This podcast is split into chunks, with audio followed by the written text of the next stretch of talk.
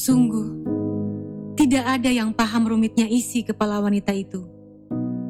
Termasuk sang suami yang mengencaninya selama enam tahun, lalu menikahinya selama enam tahun pula. Konon pria itu tak kuat lagi menghadapi pikiran istrinya yang selalu rumit. Ia angkat kaki setelah ribut besar dan berkata lantang sekali, sampai sepenjuru gang mendengarnya. Otakmu yang rumit itu suatu hari akan habis dimakan semut-semut. Para tetangga pun mulai bertaruh. Apakah wanita itu akan merutuki nasibnya?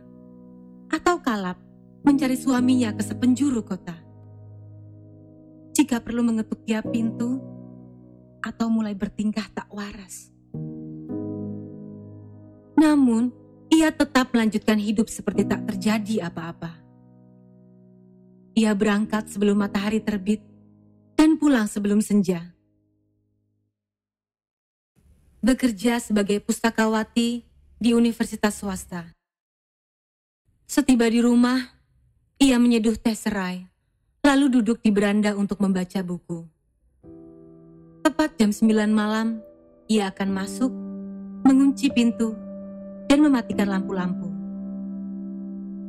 Di hari Minggu, ia pergi ke pasar, membeli bahan makanan layaknya istri pada umumnya.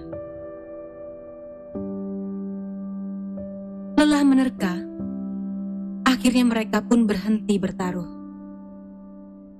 Sayangnya, semua berubah saat ia menemukan sepucuk surat yang lupa diambil dari kotak di dekat pagar.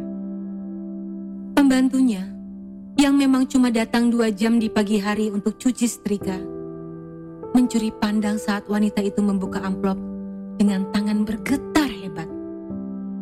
Majikannya menatap kosong ke arah kertas. Seakan matanya tengah mengunjungi tempat yang jauh. Loh, Bu? Kok mukanya pucat begitu toh? Bi, bagaimana caranya membunuh semut? Hah? Ku dengar ada kapur ajaib yang bisa mengusir semut. Belikan selusin. Ah, jangan. Dua lusin saja. Walah, Bu. Wah, tenan. Buat apa toh? Mengusir semut. Untuk apa lagi? Sebelum mereka makan habis otakku. Dengan bingung yang bertindihan, ia bergegas menuju warung. Dilihatnya sang majikan melipat surat itu kecil-kecil, sembari menatap jelajah seluruh sudut rumah. Seakan ada yang dicari. Pembantu itu sontak teringat sesuatu saat menutup pintu pagar. Kalimat penuh amarah suami majikannya selepas bertengkar. Otakmu yang rumit itu suatu hari akan habis dimakan semut-semut.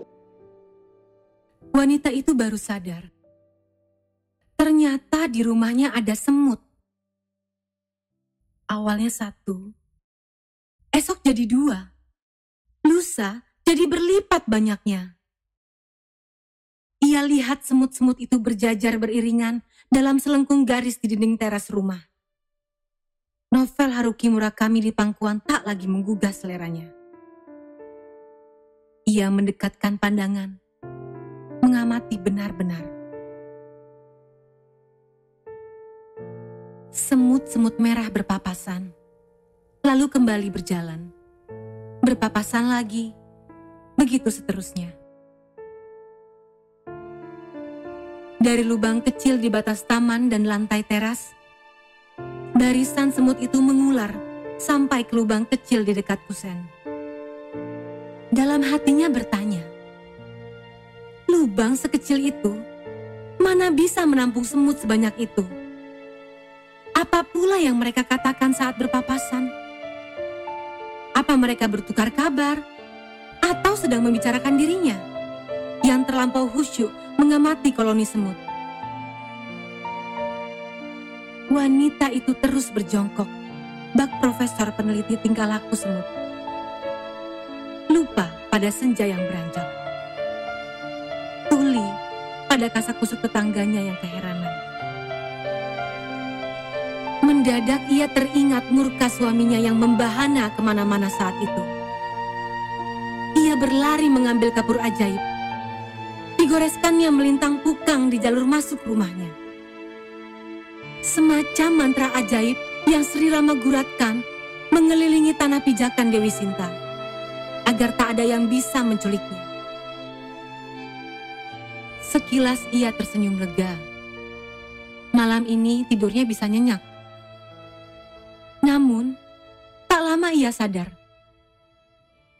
Bukankah akhirnya dasa muka berhasil menembus lingkaran perlindungan dan menculik Sinta? Kengerian menjalari tengkuk. Seakan semut-semut merah itu mencari jalan menembus tengkoraknya. Bersiap memakan habis otaknya. Semalaman, wanita itu tidak tidur. Dibeliakannya mata lebar-lebar. Mencari lubang setusukan batang jarum di sudut tersembunyi rumahnya yang bisa dijadikan celah masuk semut. Ia pun tak peduli lagi saat tetangganya bulat menyimpulkan. Kesepian telah memakan habis kewarasannya. Semut-semut itu terus berbaris entah mana ujung dan pangkalnya. Beranda, dinding belakang rumah, dinding dapur, bahkan di dekat jendela kamarnya, sudah takluk dikepung semut. Ia suruh pembantunya menyapu dua kali lebih sering. Tak lagi ia menyimpan kue untuk mengudap. Ia juga mulai makan di taman depan, agar tak ada sisa makanan berjatuhan di dalam rumah. Tak dipedulikannya tatap iba yang makin kentara. Tiap kali ia suapkan makanan ke dalam mulut. Saat ditanya kenapa makan di luar, ia menjawab, Di dalam banyak semut, Apa hubungannya? nanti aku dikerubungi semut. Masa takut sama semut? Pernah hitung berapa ekor semut di dalam sana? Mungkin ada lebih dari sejuta. Aku bisa dikerubungi. Bisa habis otakku dimakan. sorot matanya tajam dan dalam. Tetangganya memilih pergi sambil menggelengkan kepala. Ia pun balik melawan. Dikerahkan segala resep alami pengusir semut yang ditemukannya di internet. Ada larutan cuka, potongan mentimun, kantong teh min bekas, jus lemon, air sabun, larutan garam, sampai taburan bubuk kopi dan bedak bayi. Sayang, semuanya berhasiat sementara. Di ujung hari, iring-iringan semut bertambah panjang, semakin rapat. Terlampau kesal, ia membeli sebotol obat serangga. Tanpa peduli lagi, diarahkan penyemprotnya. Mirip bazuka membombardir ke segala arah. Titik-titik cairan menghujani dinding-dinding, meninggalkan pola basah. Semut-semut itu akhirnya menempel tak bergerak di dinding. Melihat itu, ia makin kalap menggerakkan tangan, menyemprot sisi rumah. Aroma obat yang membubu, membekap jalur udara. Ia tak peduli, yang penting mereka mati, tak bersisa lagi. Tak dinyana, tepat tengah malam, garis-garis yang dibentuk dari barisan semut muncul kembali. Seakan mereka bangkit dari kematian, membawa pasukan lebih banyak. Setengah tercekik aroma obat serangga, wanita itu terkulai lemas. Terduduk dengan mata yang panas. Lelehlah segala kelelahan yang ia simpan kuat-kuat di dada. Andai suaminya ada di sini. Lelaki itu pasti tahu bagaimana mengatasi ini semua. Semut-semut ini juga kesepiannya.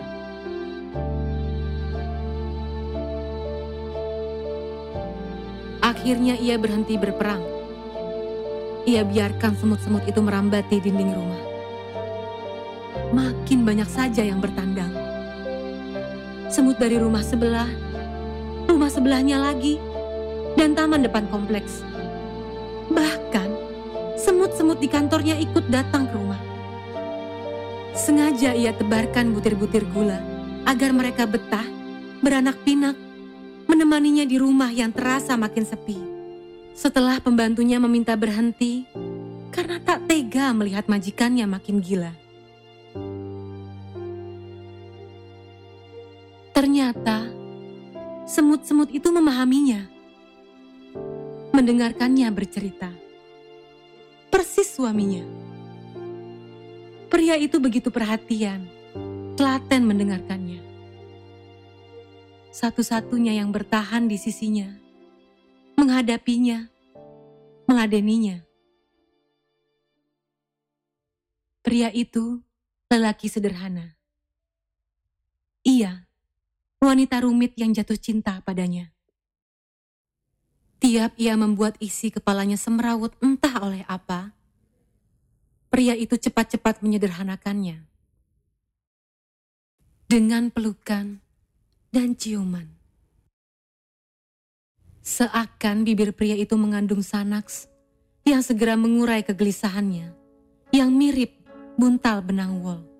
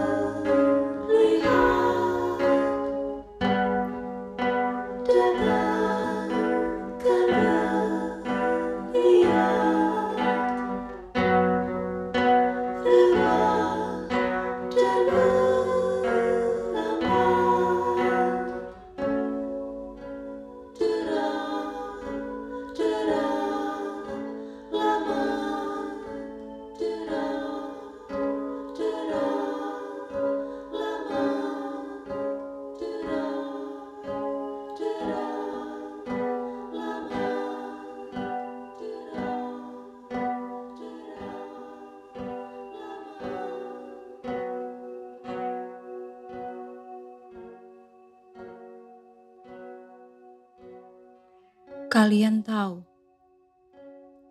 aku mencintainya. Aku merindukannya. Ia suka sekali memelukku dari belakang sampai aku jatuh tertidur. Suatu hari, ia bilang ia lelah. Katanya aku terlalu rumit.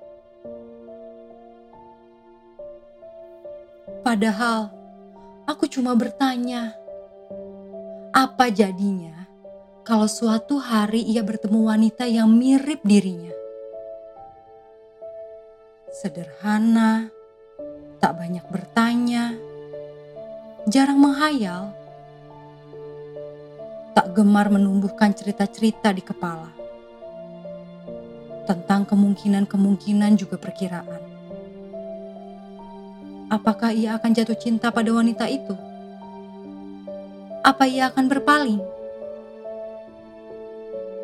Kalaupun meninggalkanku, apa ia masih akan merindukanku?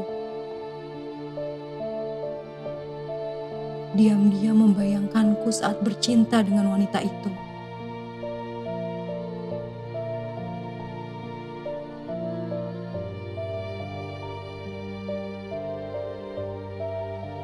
Awalnya ia tak menjawab, tapi aku bersikeras. Bukankah wanita sederhana itu selalu ada? Mungkin lebih banyak di mana-mana. Aku bilang kepadanya, ia tampan dan pintar.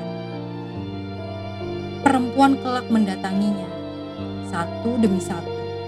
Lama-lama jadi seribu mengerubunginya seperti semut mengepung gula-gula.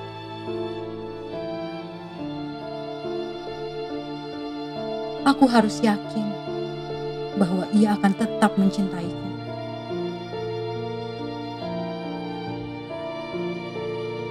Aku terus saja bertanya, sampai akhirnya ia lelah. Pergi dan menyumpahi otakku habis dimakan semut.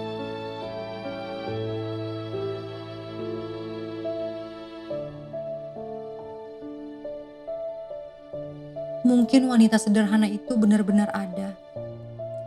Bisa jadi karena itulah ia pergi. Bukan karena ia lelah mencintaiku. Bagaimana menurut kalian? Atau mungkin ia bukannya menyumpahiku. Mungkin ia berdoa agar aku tak lagi rumit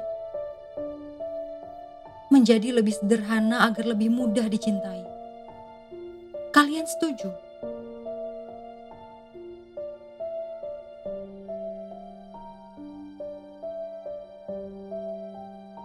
Boleh ku minta tolong? Maukah kalian habiskan isi otakku yang rumit?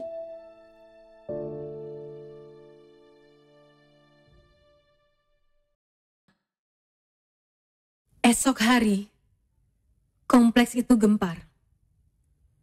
Tubuh seorang wanita kesepian ditemukan tak bernyawa. Aroma busuk makanan yang sengaja disebar berbaur dengan uap obat serangga yang memenuhi rumahnya. Suara-suara tetangga yang membumbung sekejap diam saat sesosok tiba di rumah berpenghuni malang itu. Entah sudah berapa bulan lelaki itu tak muncul. Sejak ribut besar dan menyumpahi istrinya dengan lantang. Wajahnya pucat. Dalam hati ia mengumpat. Andai waktu itu ia tak mengirimkan surat gugatan cerai. Andai ia tak menyumpahinya. Andai ia tak lelah mencintai wanita berpikiran rumit itu.